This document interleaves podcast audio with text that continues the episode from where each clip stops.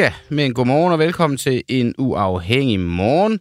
Har du en god dag? Eller, ja, det kan du ikke rigtig sige nu, fordi dagen den er kun lige gået i gang, eller den er som sådan ikke engang rigtig gået i gang. Klokken er bare syv, så du måske kun lige åbnet øjnene og ved ikke, hvad det er for en dag, der står foran dig. Og øh, det er jo øh, i grunden øh, livspræmissen for, for rigtig mange af os, det er, at vi ved ikke, hvad der kommer til at ske der. Du ved ikke, hvad der kommer til at ske den næste time, men det gør vi. Og øh, derfor har vi øh, jo selvfølgelig legnet et, det vi synes er et godt program op til dig, som vi tænker, der vil gøre dig klogere, og lad os bare komme i gang med det. Og, og inden vi ligesom kommer rigtig i gang alligevel, så vil jeg bare lige hurtigt nævne øh, morgens største nyhed. Det er, at den tidligere amerikanske præsident Donald Trump, han er anklaget for at opbevare dokumenter om national sikkerhed i sit hjem, og dermed har han fået en ny tiltale imod sig. Føderale anklager har tiltalt den tidligere amerikanske præsident Donald Trump i forbindelse med efterforskningen af hans håndtering af tophemmelige dokumenter relateret til national sikkerhed, det oplyser personer med viden om sagen til flere medier her blandt CNN og The Guardian. Selv så skriver Donald Trump torsdag aften amerikansk tid på sit sociale medie Truth Social, at han er blevet tiltalt øh, ja, på sit sociale medie, nemlig det er nemlig hans medie. Den korrupte Biden-administration har informeret mine advokater om, at jeg er blevet tiltalt, skriver han ifølge nyhedsbyrået Reuters. Trump skriver, at tiltalen til synligheden handler om håndtering af hemmelige dokumenter.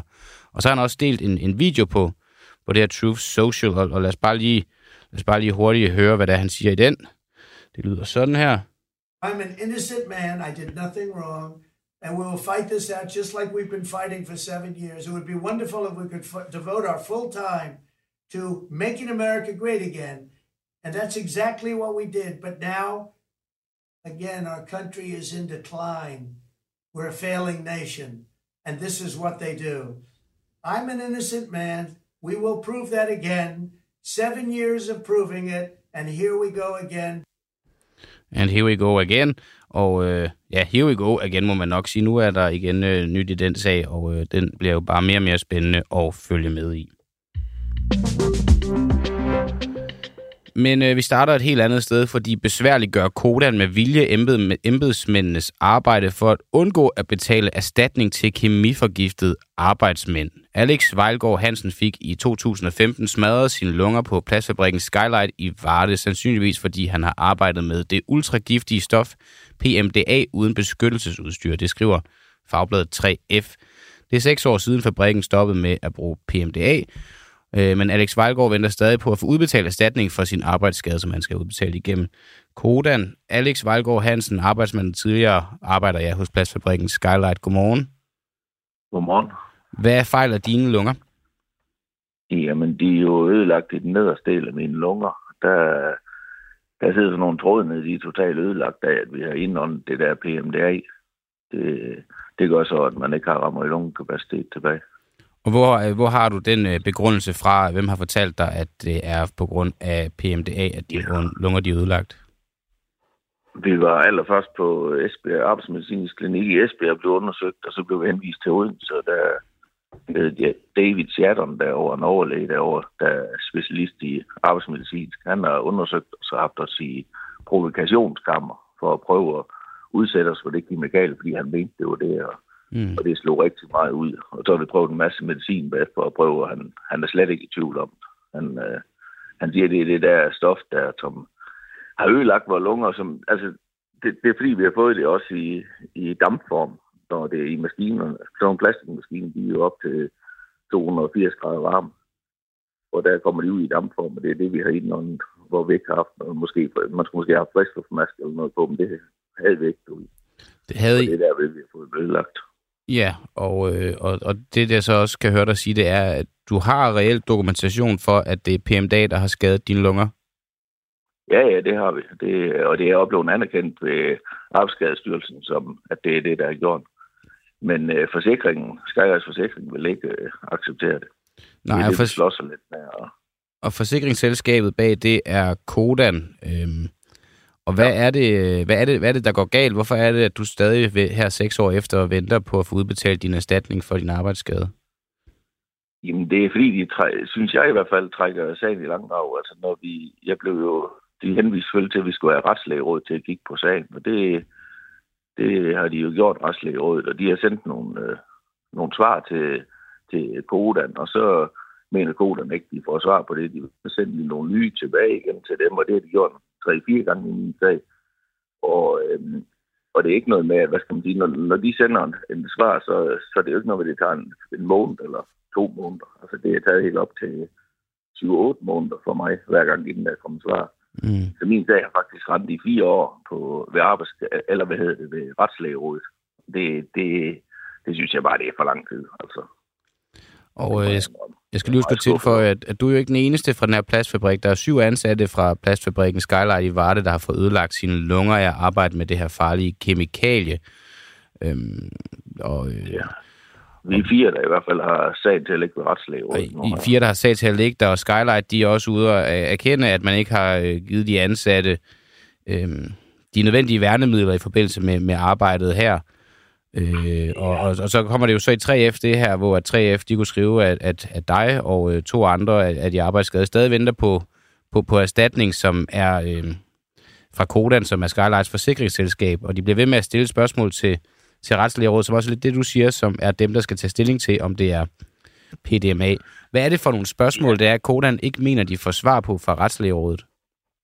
Jamen, det kan jeg ikke rigtig svare på, hvorfor de ikke mener, de får svar, fordi at, altså, min advokat siger, at øh, der er ikke noget at komme efter. Det er nogle fint, eller fint svar, det ved ikke, man kan sige. Men det, altså, det, retslægerådet siger, at, at det er det, og vi er blevet undersøgt af, af Danmarks førende øh, læger inden for det der. Så der er slet ikke noget at komme efter. Men så, så bliver de ved med at finde på undskyldning, eller hvad du vil kalde det, øh, laver spørgsmålene om, og det, så tager det jo lang tid. Altså, det, det er lidt rystende, synes jeg, at man i dag i Danmark altså kan, kan vente så lang tid på det. Mange gange, når jeg får svar på noget, eller hvad hedder det, skal stille et svar på et spørgsmål, så får jeg jo at vide, at jeg skal svare inden for 14 dage. Men mm. det, det der, det er ligesom det. Kodem Forsikring, de, kan, ja, de venter bare indtil, jeg ved sgu ikke, hvad man skal sige, indtil de ikke byder mere. Og, det er i hvert fald rystende for os i hvert fald. Og nu har du ventet i, i lang tid på at skulle få udbetalt en erstatning, og, og du har den her skade på dine lunger. Hvilken konsekvens har det for dit liv i dag? Jamen, det gør jo, at jeg er blevet... For det første er jeg blevet flexjobber. Inden der havde jeg et, øh, jeg et fuldtidsjob og et aktivt øh, fritidsliv, kan man sige, og dyrket også noget fiskeri øh, ved siden af, af mit arbejde øh, som bierhvervsfisker, men det, det kan jeg ikke holde til mere. Mm. Det, øh, jeg kan ikke øh, dyrke sport med mine børn. Øh, jeg kan ikke, øh, hvad skal man sige, man bliver forpustet af mange ting. Altså, jeg kan ikke engang havearbejde. Du kan ikke lave rammer havearbejde, så skal man op og sidde og hvile. Det, og det, jeg skulle lidt frustrerende, må jeg indrømme. Men altså, det må man jo lære at leve med, som jeg siger. Men, men jeg synes bare, det, det er uhyggeligt, at det kan tage så mange år, inden man... Altså, man går jo lidt og føler lidt, at, at de ikke tror på det, man har fortalt. Mm. Og det er det, jeg bliver skuffet over. Altså, hvad, for det første så er det lige før, de, de siger, at det er læge og lyver, ikke? og jeg synes simpelthen bare ikke, det er i orden. Det, det er mig. Jeg kan forstå, det kan, altså, at når de har stillet nogle spørgsmål, at man så ikke kan sige, at når, når dem, der sidder i retslægerådet, har svaret på dem i en punkt, så, så afgørelsen der, ikke? Men det er ligesom, de bliver bare ved med at trænge i langt drag. Hvor mange penge er vi oppe at tale om i den her erstatningssag? ja, det er snart det, det er latterligt, synes jeg. Det er jo ingenting. For min vedkommende, det, det er godt 300.000. Det er jo mm. ingenting. Altså, det er svig og smerter, og så lidt tabt afsfortjent. Det er det, vi slås om, og det er derfor, jeg kan ikke forstå, det tager så lang tid. Så det, det ryster mig lidt. Altså, det, og normalt, når du får en arbejdsulykke, så, så får du svig og smerte udbetalt jo kort tid efter, på grund af, det er jo det, der ligesom skal supplere, at du har gået på, der, på sygepenge, jo, for ligesom at, at, at, få lidt ekstra til din løn, hvis man kan sige sådan. Og det, det er dem, jeg stadigvæk venter på, selvom det er over mm. otte år siden, det er sket. Det er over otte år siden, det er sket. Du sidder stadig og venter på dem, og en af de konsekvenser, du mærker, det er blandt andet, at du ikke kan, kan dyrke sport med dine børn. Du, yeah, du må lære at leve med det, siger du. Ja, altså, Gør det. jeg kan jo ikke nu vi lige... Øh, jeg har lige været på ferie. Øh, ja. Det er jo da, øh, altså, det er da hyggeligt lige, at, hvad skal man sige, til ud og svømme med børn, men det, det kan du ikke holde til ret lang tid i en bassin, altså. Skulle vi gå en tur, det var lidt, lidt bakket der, hvor vi boede. Jamen, jeg, måtte, jeg kom ikke med op og, og bakket op, som jeg gerne ville, fordi det kan jeg simpelthen slet ikke holde til. Det, det er da lidt træls. Altså, jeg har været på skiferie i øh, snart 20 år. Mm. Altså, det er opkommet ned på det, der hedder pensionistniveau, fordi at, øh, jamen man kan stå en lille bitte smule på ski, og så er det det, så resten af dagen, så sidder jeg og kigger og sidder og nyder udsigten. Det er godt, det... Altså, det, hvad skal man, man bliver frustreret over, at man, man kan ikke det længere, som man har brug. Altså, det, det synes jeg virkelig, det er frustrerende, når man har haft godt gang i, i det hele før i tiden. Og så bare her til sidst, det, det der med, at du siger, at du skal lære at leve med det det lyder så også til, at, at, at det er svært i og med, at du ikke kan få afsluttet den her øh, sag med, med Skylighter, med, med Kodan. Øhm, ja, jeg synes, vil, vil det være nemmere for dig at leve med det, hvis det blev afsluttet? Det ved jeg ikke, om det vil være meget nemmere. Det, vil, det, det, det, det ved jeg ikke helt, men, men det popper jo op i hovedet på en hver gang. At, øh, altså, så tænker man lidt over, hvor, hvorfor... Altså, hvad skal man sige, hvis man...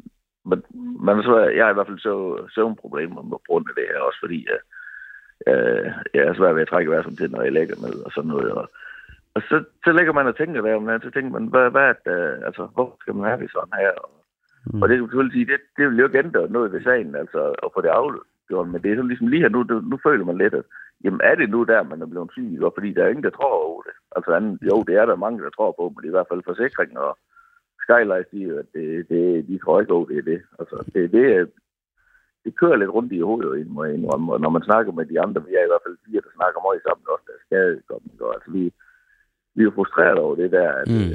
at, at, at, det må jeg indrømme.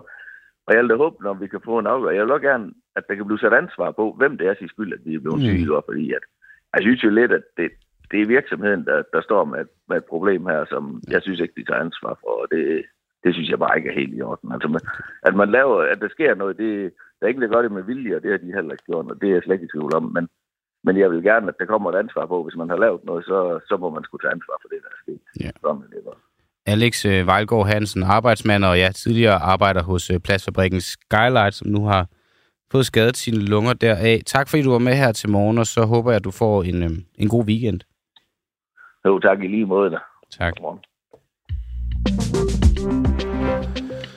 Ja, og øh, nu skal vi øh, nu skal vi til noget helt andet, fordi kan man lave et manifest for ligestilling helt uden mænd, altså med et panel kun bestående af kvinder. Folkemødet nærmer sig, og et af de arrangementer, man kan opleve på Bornholm i næste weekend, det er Plan Børnefonden, der skal lave et såkaldt moderne ligestillingsmanifest på scenen, live on stage. På plakaten, de har lagt ud, der kan man se, at deltagerne er fem kvinder. Altså en kønsskævhed på 100% til et arrangement, hvor der skal laves et ligestillingsmanifest.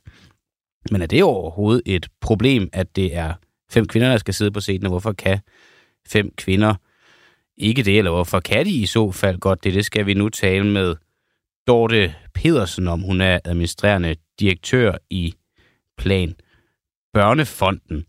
Og øh, Dorte Pedersen, øh, er du, er du derude? Nej, Dorte, du er, du er der ikke helt endnu. Men vi kan jo sige, at det var jo også... Øh, vi, har, vi, vi, vi taler med to om det her, for vi taler både med Dorte, så, øh, med, øh, som er, er administrerende direktør i Plan Børnefond, så skal vi derefter tale med Steffen Larsen, som var ude og, og kritisere det her øh, panel, øh, ligestillingspanel. Han skrev på, på Twitter, at man kan sådan set sætte en formel på det her, for måske at forstå bedre, hvad det er, øh, der har ligget til grund for, at det kun skal være kvinder, der skal kunne sidde i et ligestillingspanel. For ja, det er jo også det, man skal... Det har fået noget, noget, noget vind i sejlene på, på sociale medier, og folk har været, været lidt øh, gale over det. Steffen, han skriver, der kan sættes, det kan sættes på formel. Diversitet er lige med godt. Kvinder er lige med diversitet. 100% kvinder er lige med 100% diversitet, og 100% mænd er lige med 0% diversitet. Det er også Steffen Larsen, der er folketingsmedlem for Liberal Alliance, der, der skriver det. Men Dorte, Dorte, nu er du her. God, godmorgen. Ja, godmorgen til dig. Kommer der ingen mænd på scenen til jeres øh, moderne ligestillingsmanifest scenearrangement?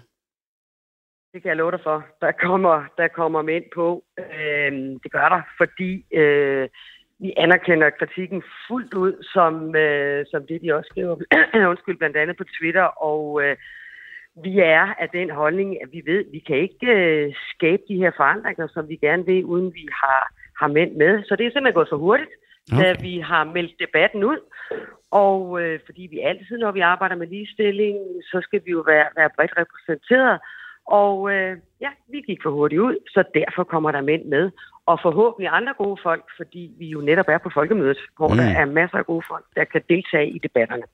Men så nu har jeg så lavet det om, efter øh, kritikken kom, og den, den kunne I se, den, den var der nok noget hold i, så, så nu, nu har I ændret planen for, for det arrangement. Mm-hmm. Hvorfor er fem kvinder egentlig ikke i stand til at lave et øh, ligestillingsmanifest? Jamen det er de ikke, fordi når vi taler ligestilling, så taler vi jo øh, ligestilling. Det handler jo ikke kun øh, om kvinder og mænd, det handler også om, om, om andre øh, ting som etnicitet, øh, alder øh, og så videre. Og vi skal have alle, øh, vi skal have alle perspektiver på, og vi ved, vi kan ikke, øh, vi kan ikke skabe de her forandringer uden mænd og, og andre, andre grupper. Så derfor skal vi have alle stemmer, øh, stemmer ind, og det er også det, vi, vi gerne vil, vil på folkemødet. Og det, vi gerne vil med det her manifest, det er at få så mange nuancer med. Vi vil gerne have et fælles sprog. Der er stadigvæk lang vej øh, endnu. Så hvordan kan vi alle sammen blive klogere på, hvad det er, der skal til?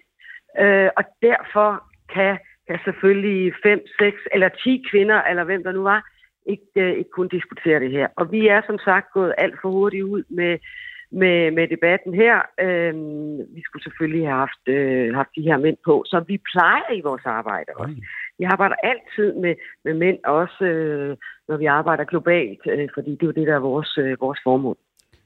Men hvad er det sådan konkret, at kvinderne ikke kan alene, som mændene så kan? Jamen, jeg tror, øh, mænd, altså når, når vi for eksempel arbejder, arbejder globalt med, med, med pigers ligestilling, som, som er sådan set det, der er vores, øh, vores hovedformål, så ved vi, at øh, hvis vi skal ændre samfundet globalt, hvis vi skal skabe et bæredygtigt samfund, vi ved, at det gør verden rigere, så skal vi have mændene med, vi skal have trukket dem med ind i debatten, også til at forstå, hvad er det, som, øh, hvad er det, som, som, som piger og kvinder globalt kan være med til at bidrage til for at skabe et, øh, et, øh, et, meget, bedre, øh, et meget bedre samfund. Mm. Så der er jo både med at få et, et sprog, forståelse, forståelse for hinanden, forståelse for, for det, der skal til. Så, så, så det er vigtigt, at vi, vi har alle perspektiver med. Og det havde fem kvinder ikke kunne forstå?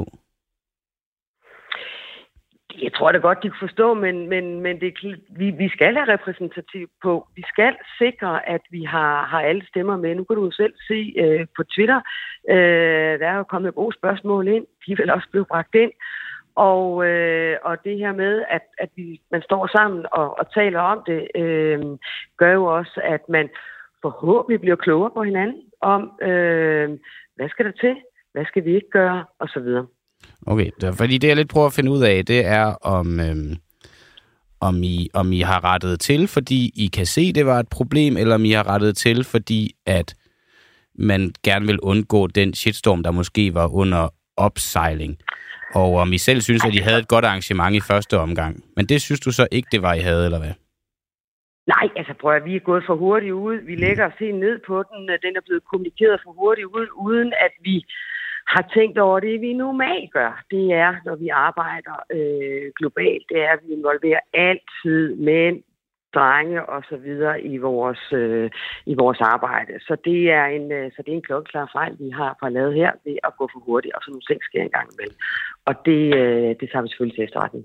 Men øh, det er jo, det er jo et emne, der, der berører mange og er vigtigt for mange, og, og i og med, I, I laver denne her, øh, som du også selv kalder det, klokkeklare mm. fejl fra start af, så kan man godt komme til at tænke, at I så overhovedet de rigtige til at skulle lave et manifest til efterfølgelse af andre, når I ikke selv kunne se, før andre ligesom gjorde opmærksom på det, at det nok var en god idé med, med i hvert fald bare en mandlig deltager. Mm. Er, I, er, er, er I stadig de helt rigtige til at skulle lave et ligestillingsmanifest? Ja, det synes jeg. Jeg synes, øh, vi har samlet et stærkt øh, panel, og øh, jeg synes, øh, jeg håber, at der kommer rigtig, rigtig mange øh, øh deltagere til debatten, fordi det bliver en involverende øh, debat. Det har vi jo ikke kunne skrive så meget ud om. Øh, det bliver en involverende debat, hvor at tilhørende får, får lov til at bidrage, og så er det her jo startskud til, at vi efterfølgende vil samle op vi vil ud og, tale med skoler øh, efterfølgende, vi vil involvere organisationer og sige, hvad har de at bidrage ind øh, til den her debat. Fordi det er et normalt øh, ting, vi gør, når vi arbejder globalt i vores programarbejde osv. Det er at involvere både piger og drenge. Vi kan ikke skabe de forandringer, øh, som vi gerne vil, øh, uden vi har, har de har de forskellige grupper med, øh, og også i det her tilfælde mænd. Så, øh, så vi er gået for hurtigt ud, mm. uden at, at bruge vores øh, almindelige, kan man sige, metoder. og det sker, og det beklager vi jo super, super meget. Okay, og så må de så Så, så det, jeg hørte dig sige, det er, at, at det, kvinder, bare hvis vi sådan lige skulle, skulle, skulle lave en, en sidste sådan note for det her, det er, at kvinder kan ikke selv øh, stå for ligestillingskampen, øh, og det at skulle udfærdige et ligestillingsmanifest. Vi skal i hvert fald have en fuldstændig klokkeklar samtale, som er repræsentativt, øh, sådan at alle øh, nuancer kommer med. Okay. Dorte Petersen, du er administrerende direktør i Plan Børnefonden og også en af paneldeltagerne til det her manifest. Tak fordi, at du var med her til morgen, og så må du have en god dag. Selv tak. Ja, tak i lige måde, du. Ha' det godt. Hej. Ja, og så lad os bare lige hurtigt øh, vende på, på, på et par hurtige nyheder, fordi øh, konservative øh, profiler fra bagladen, de kritiserer nu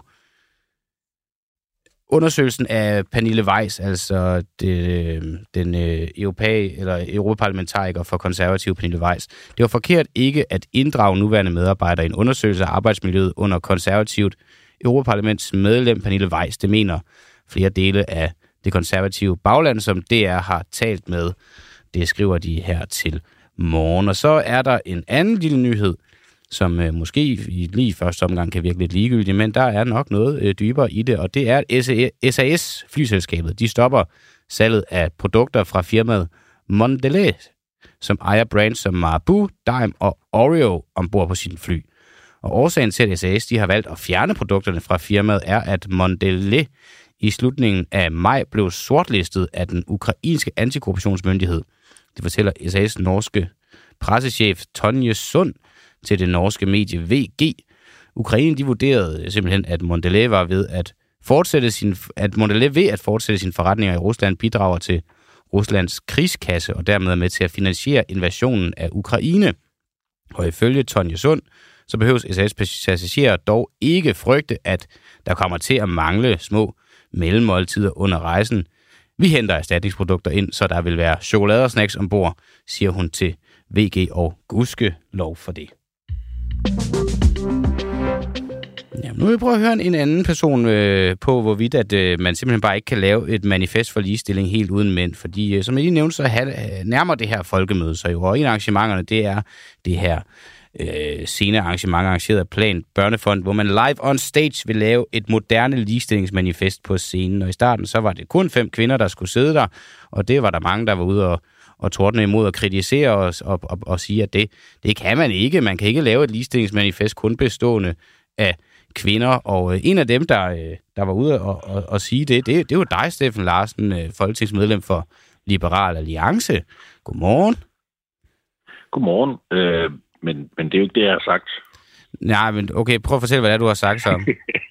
okay, jeg, jeg bare kritiseret den logik, jeg begynder at se rundt mm. omkring mm. i øh, ligestillingsdebatten med, at øh, alle steder så er der øh, udelukkende kvinder i paneler, øh, når det lige snart emnet er ligestilling. Og jeg, jeg synes, det er ærgerligt, at, at mænd ikke er med i ligestillingsdebatten mange steder. Mm. Ikke fordi, at jeg mener, at kvinder ikke kan for eksempel føre den her ligestillingsdebat alene. Det mener jeg godt, de kan. Der kan sagtens sidde fem kvinder og komme frem til et ganske fornuftigt manifest, fordi det handler ikke om deres køn, det handler om, hvad, hvad de tænker. Øhm, og der, der er sådan set ikke noget mod det, men, men spørgsmålet er bare, ligestillingsudvalget i Folketinget for eksempel, det består udelukkende af kvinder. Du har ligestillingsudvalg, øh, alle mulige ligestillingsudvalg rundt omkring i kommuner og andre steder, der består stort set udelukkende af kvinder. Og så spørgsmålet, hvorfor er det, at mænd ikke øh, kan deltage i den slags? Men er det, fordi mænd ikke er velkomne i ligestillingsudvalget i Folketinget, eller er der bare ikke øh, mænd, der er ligestillingsordfører og øh, har øh, direkte adgang til ligestillingsudvalget? Man kan, jo, man kan jo spørge sig selv om, hvilke reaktioner det kan afføde, når sig i ligestillingsdebatten rundt omkring. Altså, mm. shitstorms rejser sig meget nemt mod mænd, der blander sig i ligestillingsdebatten, så jeg tror også, der, der ligger et element af, af frygt, for eksempel i de politiske partier og ved alle mulige andre om, at øh, når man blander sig i ligestillingsdebatten, hvis man så sender en, en, en stor mand ud og sige noget, at så, øh, så får man også problemer ud af det. Men du er jo lidt og, øh, modsat, hvad uh, Dorte Pedersen, en af dem, der står bag det her arrangement, som hun er administrerende direktør på Blandt Børnefonden, vi talte med hende lige før. Hun, hun påstår hårdnakket, at fem kvinder ikke kan lave et ligestillingsmanifest. Det vil der ikke komme et godt ligestillingsmanifest ud af. Det siger du så, det kan der egentlig godt. Det er lidt sjovt, at, at, at, at I har, er det uenige på det her punkt. Jamen, det er jo, jeg, er jo, jeg er jo meritokrat. Altså, jeg, jeg er sådan set fuldstændig ligeglad med dit køn. Jeg er mm. ligeglad med din hudfarve. Jeg er ligeglad med alle de her ting her. Jeg går op i, hvad tænker du? Hvilken karakter har du? er du ærlig og redelig, når du gør ting? Øh, kan du, er du empatisk og forsøger at sætte dig ind i, hvordan andre menneskers situation er? Altså, jeg tror langt hen vejen godt, jeg kan forstå, for eksempel, hvordan kvinder har det i nogle situationer, hvor de føler sig undertrykt og lignende, fordi jeg selv har prøvet at føle mig undertrykt i mit liv også på nogle punkter, og derfor så kan jeg jo godt forstå den følelse, jeg kan godt forstå de ting. Det er fordi, at jeg grundlæggende tror, at mennesker besidder empati, så jeg vil godt forstå det. Det er ikke det samme som, at vi har oplevet de samme ting, men vi kan godt forstå, når nogen siger noget uretfærdigt. Og derfor så vil kvinder også sagtens kunne forstå nogle af de problemer, mænd har, og mænd vil godt forstå nogle problemer, kvinder har. Vi ellers de sætter sig ned og tænker over det, og forsøger at forstå, hvad er det problemet er. Ligesom jeg kan også godt forstå, hvis folk der føler sig udsat for racisme. De føler, det er forkert og irriterende og alle mulige andre ting. Jeg kan også forstå mekanismerne bagved. Fordi igen, jeg kan sætte mig ned og tænke over det. Jeg kan være en empatisk menneske, ligesom du kan, Christian, ligesom alle andre kan. Så derfor så burde vi ikke skille til vores køn alene, når vi skulle diskutere de her ting her vi burde skille til, hvad er det for nogle øh, holdninger, der kommer fra, hvad er det for nogle idéer, er det nogle gode idéer, øh, og det er jo sådan set det, der er kernen i, i, i min øh, tankegang her. Og så det Børn, Børn Planefonden øh, leder øh, der selv siger, jamen det er jo, at øh, hendes tankegang er baseret på den her idé om, at man skal være repræsenteret på baggrund af sit køn, ikke på baggrund af sine idéer. Og det synes jeg, det er lige så farligt som som at man bare sådan blindt kun sætter kvinder til altid at tage sig af ligestilling, fordi det er harmløst eller ufarligt på en eller anden måde, som det jo traditionelt har været. Men vi må gå ud fra, at Plan Børnefonden i første omgang har valgt fem kvinder, som de mener kunne have nogle gode hoveder til at lave et ligestillingsmanifest. Mener du så, det, det er en fejl, at de nu har, øh, hvis, hvis vi nu antager det rigtigt, hvis, mener du så, det er en fejl, at de nu har, har inviteret mænd ind, Altså, at de har efterfulgt kritikken og ikke bevist, jamen prøv at se, hvad vi kvinder vi selv kan. Vi kunne godt have lavet det her skide godt. Jamen, nummer et, jeg mener ikke, man skulle øh, gå ud og... Altså, spørgsmålet er jo, øh, med den logik, de selv ligger for døren i, øh, i, i det her, om, om de så kan nogensinde egentlig vinde sådan noget her, fordi det, det bliver altid et problem for dem på en eller anden led, at mm. øh, når de skal diskutere eller debattere noget. Hvis de lægger den op, at de siger, jamen diversitet er godt, derfor så skal alle være repræsenteret hver gang. Jamen, hvad nu hvis du ikke kan få alle til at være repræsenteret, eller hvad nu hvis der er nogen, der så selv når de deltager ikke føler sig repræsenteret og alle andre ting. Du ved, hele den her idé om, at diversitet automatisk er godt, når det kommer til hudfarve, når det kommer til køn og sådan ting. Jeg, jeg køber den ikke, fordi det er som sagt ikke altid det at være repræsenteret på grund af sit køn, sin hudfarve eller sin seksualitet eller alle mulige andre ting. Det er ikke det, som gør mennesker til gode, kloge og forstandige mennesker. Det er ikke det, der gør, at mennesker de er, er dygtigere og, øh, og så videre. Det er altså deres karakter og deres mm. evner, kigge til. Okay. Øh, og det vil jeg øh, til enhver tid foretrække, at man gør. Okay. Så må vi se, om Liberal Alliance de nedsætter et øh, ligestillingspanel til at udfærdige et manifest. Det kunne i hvert fald være spændende. Steffen Larsen, øh, tak fordi du var med her til morgen. Du er folketingsmedlem for Liberal Alliance, og så må du have en god dag. Ja, tak. Og lige måde. Og hvad med dig derude? Er det på vej til at blive en god dag, eller overvejer du bare at blive under dynen og sige skid hul i det hele? Jeg holder sgu fri i dag, jeg bliver hjemme. Du kan jo måske, alt efter når du møder ind, stadig godt nå at melde dig syg. Der er flere, der har skrevet godmorgen ind, øh, ind til mig. Det har du, Jakob Lund. Godmorgen til dig. Jesper øh, Thomas Færlund Larsen siger godmorgen. Jakob Søderberg siger godmorgen. Og John Havgård siger godmorgen. Og øh, ja, det tyder så på, at I i hvert fald har, hvad der er begyndelsen af en en god dag. Det skal jo ligesom starte et sted. Hvis det kan starte med en god morgen, jamen så øh, er det måske slet ikke så skidt. Jeg kan også huske fra de gode gamle krummefilm, at øh, de Kajsøs karakter, altså faren, jeg ved sgu ikke, hvad han hedder øh, i, i, i filmen, han siger, at det vigtigste, det er en, en god start på dagen, og på den måde, så fik vi også lige bragt et, et krumme citat ind i en uafhængig morgen, og det synes jeg sådan set, der skal være plads til. Og øh, så skal jeg lige fortælle dig om, at der sker mystiske ting ved Bornholm. Og øh, krigen i Ukraine og sprængningen af Nord Stream øh, på, på bagkant af det, så opfordrer hjemmeværnet Bornholmerne til at give myndighederne besked, hvis de oplever noget mistænkeligt. Og det gør de, fordi at i dag så har hjemmeværnet fået nye opgaver. Det er blandt andet at skulle holde øje med mistænkelige hændelser på øen, underlige biler og underlige ting, der ikke normalvis øh, plejer at, at, at vise sig i det bornholmske landskab. Og det er jo selvfølgelig fordi, at der har været alt den her snak om russisk spionage og Bornholm som et strategisk punkt, hvis nu, at krigen skulle udvikle sig, eller hvis man skulle begynde at indføre det, der hedder hy- hybridkrig, hvis øh, de vil have ramt på, på os russerne, så kunne Bornholm være et, et oplagt sted at starte. Og øh, Ulrik Skytte, du er chef for det Bornholmske hjemmeværn og øh, garnisonkommandant ved Almegårds Kaserne i Rønne. Godmorgen. Godmorgen. Hvad er det, I holder øje med på Bornholm i hjemmeværnet?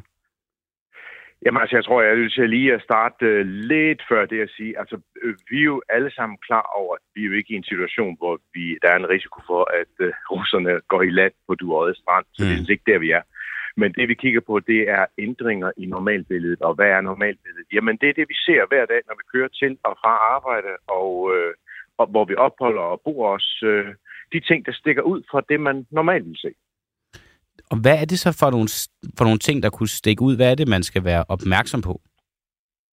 Jamen, jeg plejer at bruge et billede, som, øh, som lidt karikeret er, at hvis man nu bor i øh, Næksø og ser øh, sådan øh, sent på efteråret en, øh, en sejlbåd kom i havn med fire sportstrænede mænd med høje kindben og solbriller i panden og, og for området øh, unaturlige sportstrænede, så tænker man, det var alligevel mærkeligt. Det er ikke noget, jeg har set før.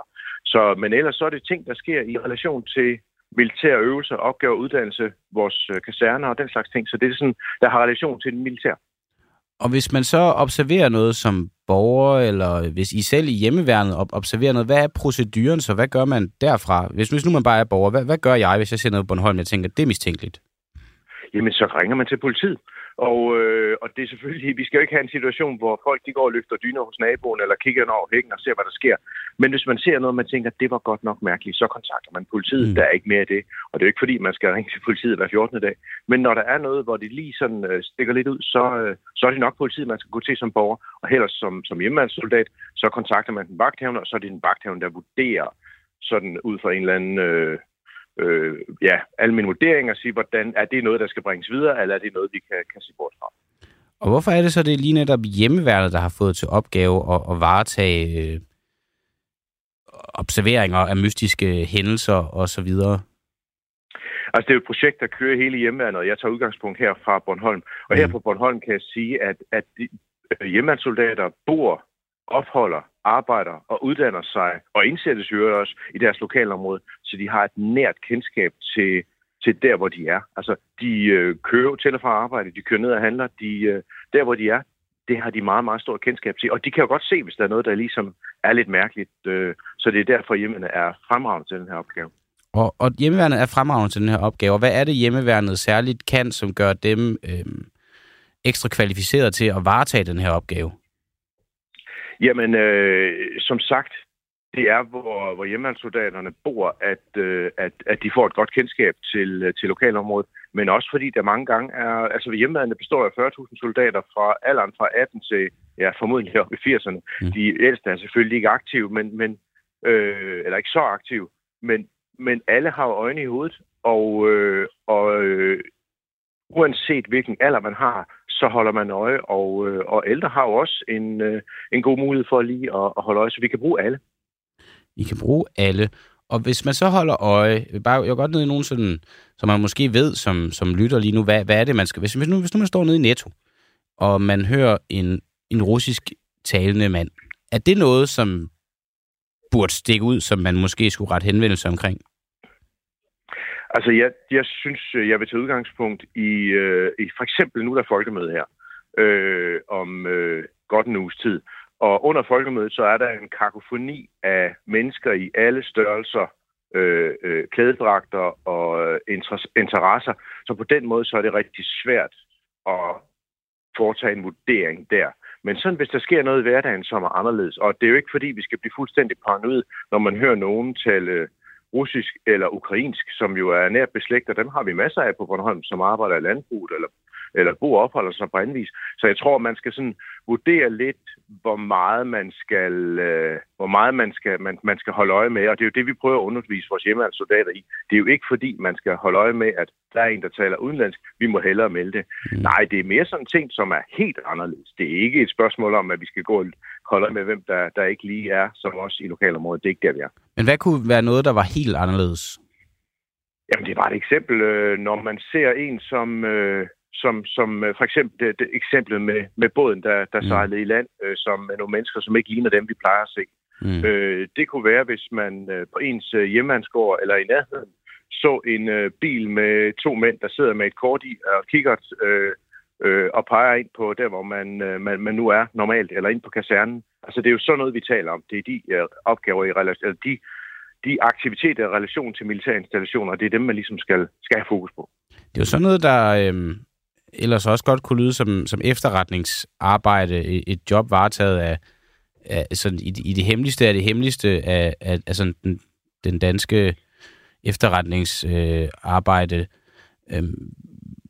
har I, altså, hvad, hvad, ved du noget om, hvorfor det er, at- hjemmeværnet er blevet udstukket den her opgave? Er det for efterretningstjenesterne ikke selv kan varetage det? Er, er, der, er der for meget at holde øje med? Hvad, hvad er lige præcis grunden til, at, at det ikke er noget, de varetager, men det er nu noget, I skal varetage? Jamen nu, nu taler vi meget om spionage. Altså den her opmærksomhed, det her opmærksomhedsprojekt er jo hele pakken. Det er jo øh, øh, holde øje med ændringer i normalbillelig relation til, selvfølgelig til, hvis der kunne være noget spionage, men det er jo slet ikke det hele. Mm. Altså det er terrorvirksomhed, det er kriminalitet, det er alt muligt, det er cyberkriminalitet. Altså hvis, så, så man kan sige, det er det hele, som hjemmesoldaterne skal lære.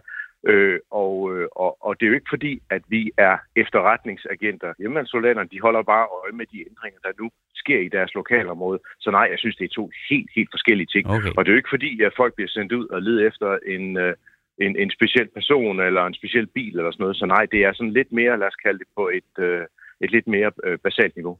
Et lidt mere basalt og overordnet plan. Øhm, Ulrik Skytte, du er chef for det Bornholmske hjemmeværn og øh, Garnisons kommandant ved Almegårds Kaserne i Rønne. Tusind tak, fordi du var med her til morgen og, og gør os klogere, og så må du have en, øh, en dejlig weekend. Tak i lige måde. Tak.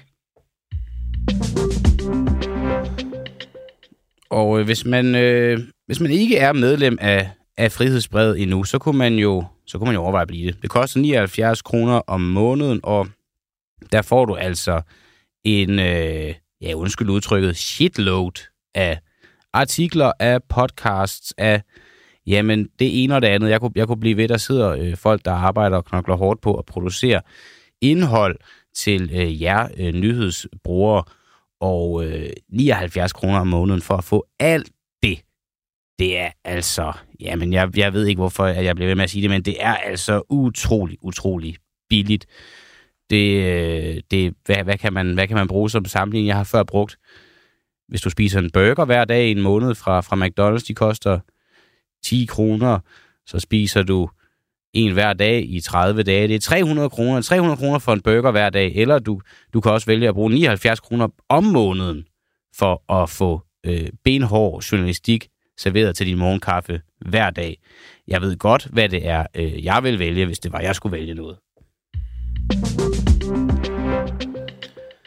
Og øh, så er der jo øh, sket øh, ting ude, ude i verden, og, øh, og en af de ting, der er sket, det er, øh, det er desværre en, en noget kedelig nyhed, der, der tikkede ind her i går, at øh, flere personer her blandt børn blev i går formiddag øh, angrebet og såret i et knivangreb i den franske by Annecy.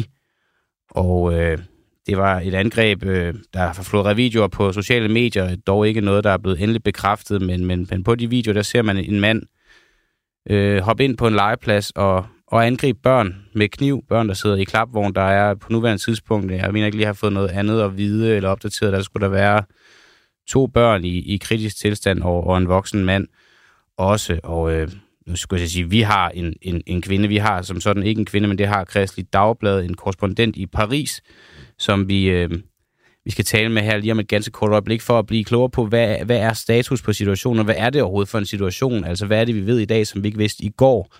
Hvem var den her mand? Hvorfor gjorde han det? Hvor mange er såret? Hvor mange er i kritisk tilstand? Der skulle ikke være nogen døde på nuværende tidspunkt, men som sagt skulle der være, øh, skulle der være øh, nogen i livsfare og i kritisk tilstand. Birte Pedersen, du er Kristelig Dagbladets korrespondent i Paris. Godmorgen. Godmorgen. Øhm, ved vi, hvem gerningsmanden er? Ja, det ved man faktisk øh, ret præcist. Det drejer sig om en øh, 31-årig øh, syrisk mand, som øh, har flygtningsstatus i Sverige. Mm. Øh, han øh, fik asyl i Sverige i april måned, men han har til synligheden opholdt sig i landet siden 2013. Han er gift med en svensk kvinde, som han har et barn med, en søn på tre år, og det er altså lige præcis den aldersgruppe, han, han gik efter på legepladsen under det her meget dramatiske knivindgreb. Øhm, og øhm, nyhedsbyrået AFP har haft kontakt med den øh, svenske kvinde, han var gift med. Hun har fortalt, at han forlod Sverige for otte måneder siden, fordi han ikke kunne få svensk statsborgerskab. Og øh, i oktober indgav han så en asylansøgning i Frankrig, som blev afvist, da han jo allerede havde en, en ansøgning i gang i Sverige. Og hvorfor han så var i, i Frankrig, hvordan han kom til Frankrig, hvor han er hjemløs, det er ikke helt klart.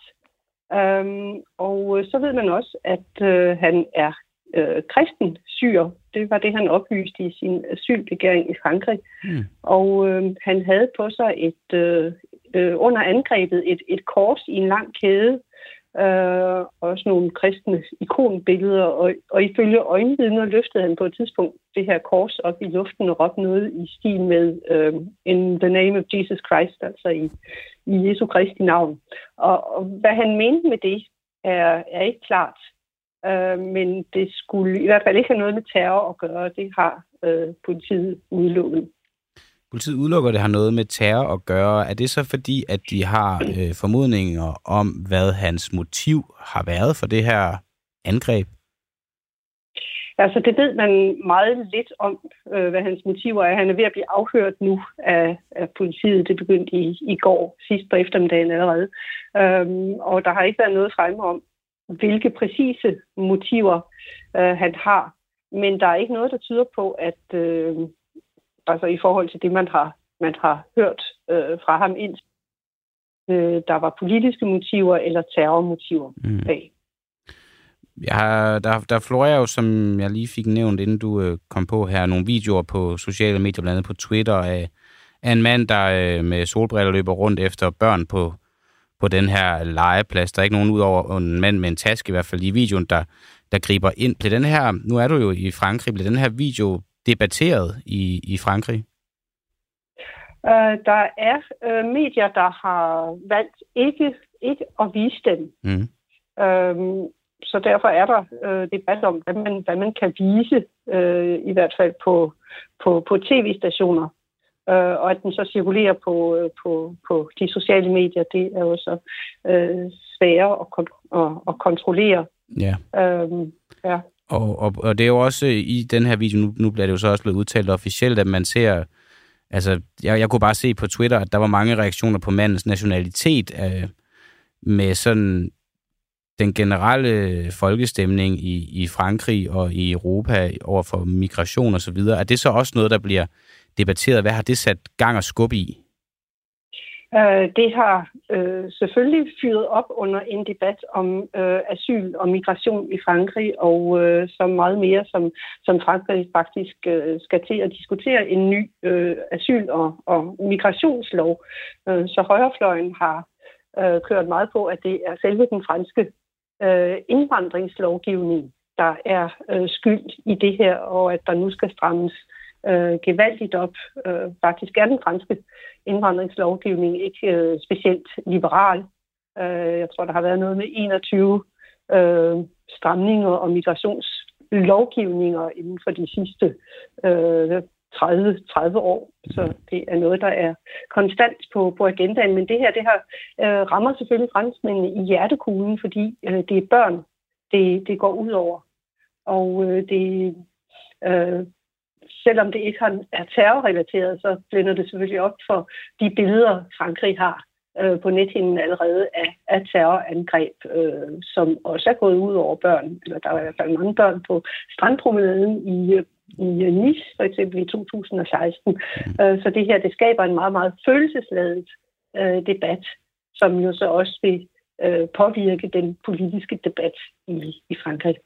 Og hvad er status på de, som er øh, blevet angrebet og såret under, øh, under den her episode? Ja, Altså, der er jo fire børn, øh, helt små børn, som, som blev såret. Den, den yngste er 22 måneder, og øh, så er der to på øh, to år, og det ældste barn er tre år, og de er synligheden alle fire i en meget kritisk tilstand.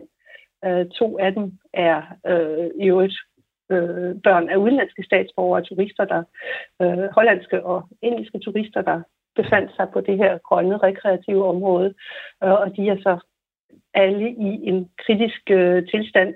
Og det samme gælder en kvinde, der blev øh, overfaldet, øh, og som skubbede øh, den dobbelte klapvogn med to af de børn, der blev angrebet. Øh, og så blev et øh, sjette offer såret, da øh, politiet øh, overmandede gerningsmanden. Mm. Men han skulle, være i, han skulle ikke være i, i, okay. i livsfare. Men øh, i hvert fald fire børn lige nu i kritisk tilstand, og, og en kvinde også i kritisk tilstand, som jeg lige forstod det. Det er, det er de oplysninger, der ja. var fremme i, i uh, går aftes. Okay. Birte Pedersen, du er Kristelig Dagbladets korrespondent i uh, Paris. Tak fordi, at du var med her til morgen og gør os uh, klogere på, uh, på den her hændelse, og så må du uh, ja, have en god weekend. Tak lige måde. Ja, det er med det er med barsk. Men øhm, det er jo desværre øh, i, i en verden på godt og ondt, så findes der jo også bare noget, der er til kan virke utrolig ondt og øh, meningsløst. Og øh, sådan, sådan er det jo bare. Ja, lige her øh, til sidst, så skal vi øh, lige finde ud af, om alle danskere de egentlig burde preppe, fordi militæranalytiker øh, Jens Wenzel, han har fortalt til Jyllandsposten, at han har samlet dåsemad til 14 dage i sin kælder, og på samme tid opfordrer han danskerne til at tage truslen mere seriøst, og er det her så en eller anden måde at jage en, jage en skræk i livet på, på os alle sammen, eller er det noget, hvor vi faktisk måske lige skulle prøve at, at tænke os om en, en ekstra gang og at overveje, hvor, hvor stort er trusselsniveauet egentlig, og øh, tager vi overhovedet det trusselsniveau alvorligt?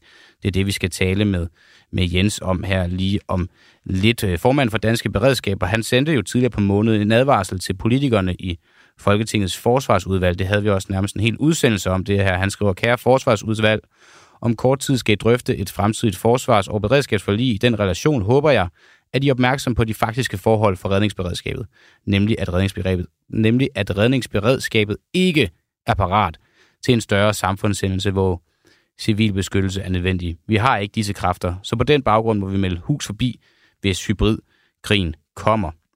I Sverige så har myndighederne sendt brochurer ud, der forbereder befolkningen på, hvad de skal gøre under krig, og hvilke fødevarer der bør, de bør have på lager.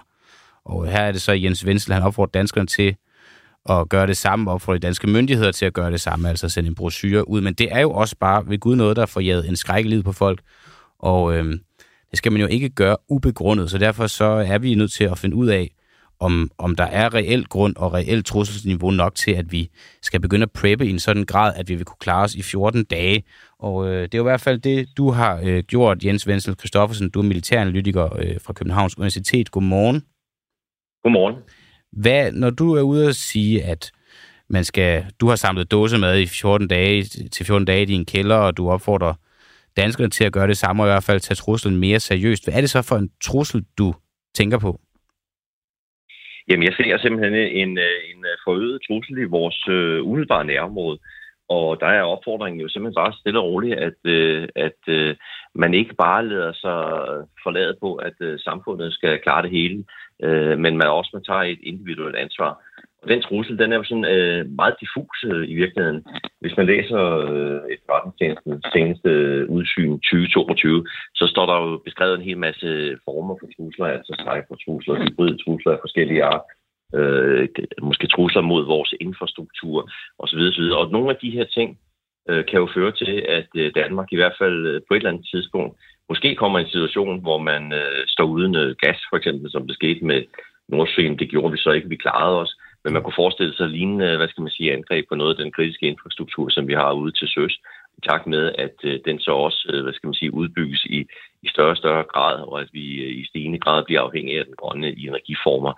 Og der er der altså simpelthen øh, bare nogle, øh, nogle øh, hvad skal man sige, i hvert fald en, en risiko for, at øh, noget af det her øh, på en eller anden måde kan blive angrebet, og her jeg taler ikke om, at øh, missilerne regner ned over Danmark, og vi skal heller ikke fiske sådan en krigsstemning op, men jeg siger bare, at man, man sådan helt selvfærdigt øh, måske kunne overveje selv også at bidrage lidt til samfundet, fordi hvis man både som individ, men også som samfund forbereder sig, så står man samlet set langt bedre i, øh, i sådan en situation, hvis der var noget, der skulle ramme Danmark. Og du siger jo så også selv nu, at det ikke, det, det, det er ikke for at piske en stemning op, eller for at jage en skræk i livet på folk, men i og med, hvis du opfordrer også til, at man, man gør svenskerne kunsten efter og sender nogle brochurer ud, der forbereder befolkningen på, hvad, hvad de skal gøre under visse tilstande og situationer. Øh, jeg hører tit fortællinger om fra den kolde krig, da, da der blev sendt brochurer og sædler ud til folk om, hvad de skulle gøre så fremt, at, at det skulle ende ude i, i noget øh, skrækkeligt. Det er en skrækkelighed på folk. Er vi sådan et sted nu, at det alligevel er nødvendigt at jage en lille skrækkelighed på folk, altså få dem til at indse alvoret i en grad, der gør, at de også er nødt til at handle lidt ud fra frygten for det værst tænkelige? Altså jeg vil nærmest sige, det, det er nok mere en form for, øh, hvad skal vi sige, oplysning, vi er ude i her, frem for at skulle jage en skrækkelig fordi det tror jeg ikke tjener noget sådan specielt godt formål at skulle jage en skrækkelig på folk.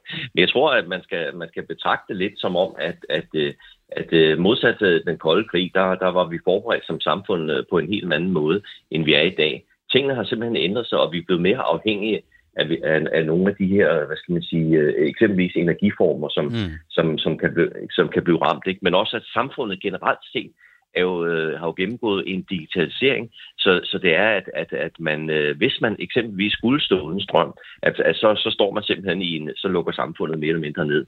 Jeg ved godt, at øh, der er redundante systemer, altså øh, systemer, der kan tage over, således så at øh, strømforsyningen øh, sikres i en grad. Men, men ligesom vi så under corona, jamen, så kan det altså godt være, at man man øh, står så lidt bedre, og det er jo virkelig for ens egen øh, trygheds skyld, at man, man, hvis man forbereder sig bare en lille smule med, med ganske simple ting, jamen så kan man jo øh, både som individ, men også som samfund stå meget bedre forberedt til en eventuel sådan ligesom coronakrise lignende situation. Øh, nu håber vi ikke, det kommer igen, men man kunne måske godt forestille sig, at der var nogle øh, hvad skal vi sige, typer af trusler, som manifesterer sig øh, på en eller anden måde, sådan så at vi ikke øh, har den, øh, de daglige samfundsfunktioner, som vi har været så øh, afhængige af, og som vi jo øh, hele tiden er afhængige af i, i det daglige øh, herhjemme i Danmark. Ikke? Og, og ligesom at øh, svenskerne og nordmændene og, og finnerne jo gør, jamen, så, så, så forbereder de sig på en lidt anden måde, end vi gør, hvor man sådan ligesom lægger op til, at befolkningen jo også tager sådan deres eget individuelle ansvar.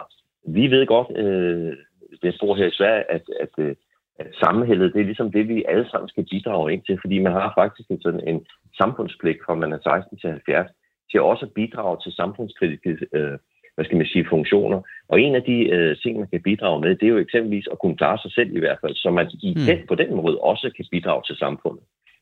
Øh, fordi så, så lægger man ikke det hele over på samfundet. Og derfor er pointen, at, at, øh, at vi skal ligesom også som individ tage et ansvar for, at øh, vi kan komme ud i nogle situationer, hvor det er, at, at det kan blive nødvendigt at skulle klare sig selv lidt indtil, hvad skal vi sige, for at bruge slidt udtryk, kavaleriet kommer ridende, ridende i form af, af NATO, og så redder det Danmark, øh, øh, som jeg også øh, har, har sagt lidt om før. Ikke? Men, mm. men jeg synes bare, at, at det, er en, øh, det, det er sådan en form for en rettidig omhud, at man også øh, tager vare på sig selv og sin familie, og så bare overvejer, hvad er det, vi egentlig skulle gøre, hvis nu, at vi, øh, vi mistede nogle af de, øh, hvad skal vi sige, daglige øh, både fornødenheder, men også nogle af de daglige samfunds, øh, samfunds øh, ting, som, som vi får leveret fra samfundet. Hvis nu mm. det bort, øh, falder bort, øh, Øh, jamen, jamen, hvad gør vi så? Vi så i går, øh, der var en læge, øh, som lukkede sin klinik eller gik konkurs et eller andet sted, ikke? hvor meget det betød for et enkelt lille samfund. Og sådan kunne man jo også godt forestille sig, at for eksempel, at hvis, hvis man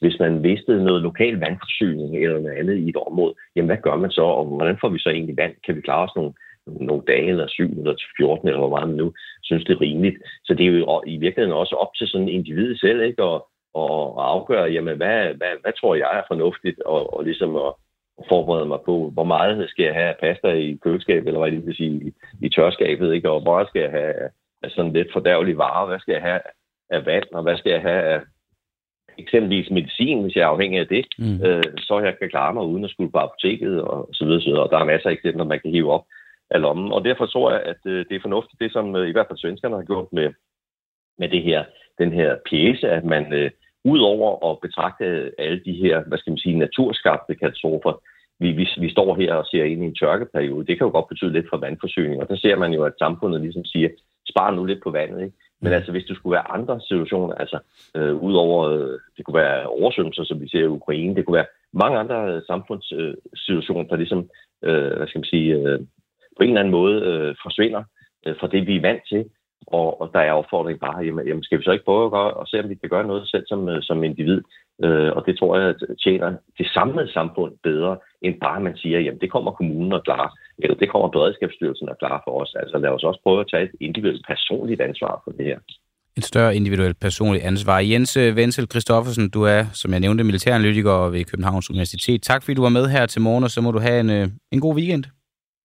Tak skal du have i lige måde. Tak. Hej. Og øh, det var sidste mand på, på pletten i dag, Jens Vensel Christoffersen. Jeg er, jeg er også på pletten i dag, og det er jeg igen på, på mandag, hvor vi sender en uafhængig morgen igen. Tak fordi du lyttede med. Programmet det er sammensat af Peter Svarts, og ude i regien der sad hele Danmarks Oliver Nubbenau. Kan I have en dejlig weekend.